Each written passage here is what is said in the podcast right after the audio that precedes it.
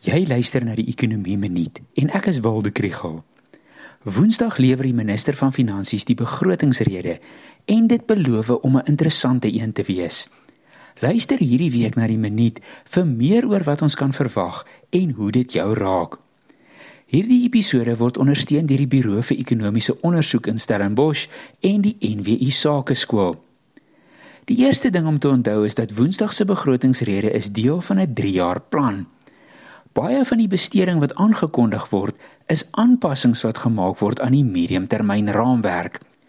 Hoewel belangegroepe hierdie week uiteenlopende beroepe op die minister gaan doen vir ondersteuning, het hy nie veel speelruimte nie. Suid-Afrika kan nie bykomende besteding en belastingverligting bekostig nie.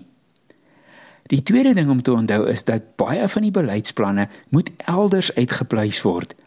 Die minister van Finansies en die Tesourier is nie die enigste besluitnemers oor iets soos die deregulering van die brandstofprys of die herstrukturering van Eskom se skuld nie.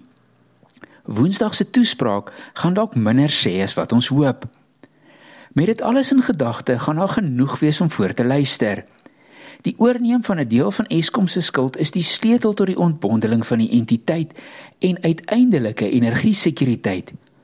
Net so is aansporings om hernubare energiebronne te belê 'n belangrike deel van die plan om beurtkrag te verminder. Dit gaan interessant wees om te sien hoe geld nou by die planne gevoeg word.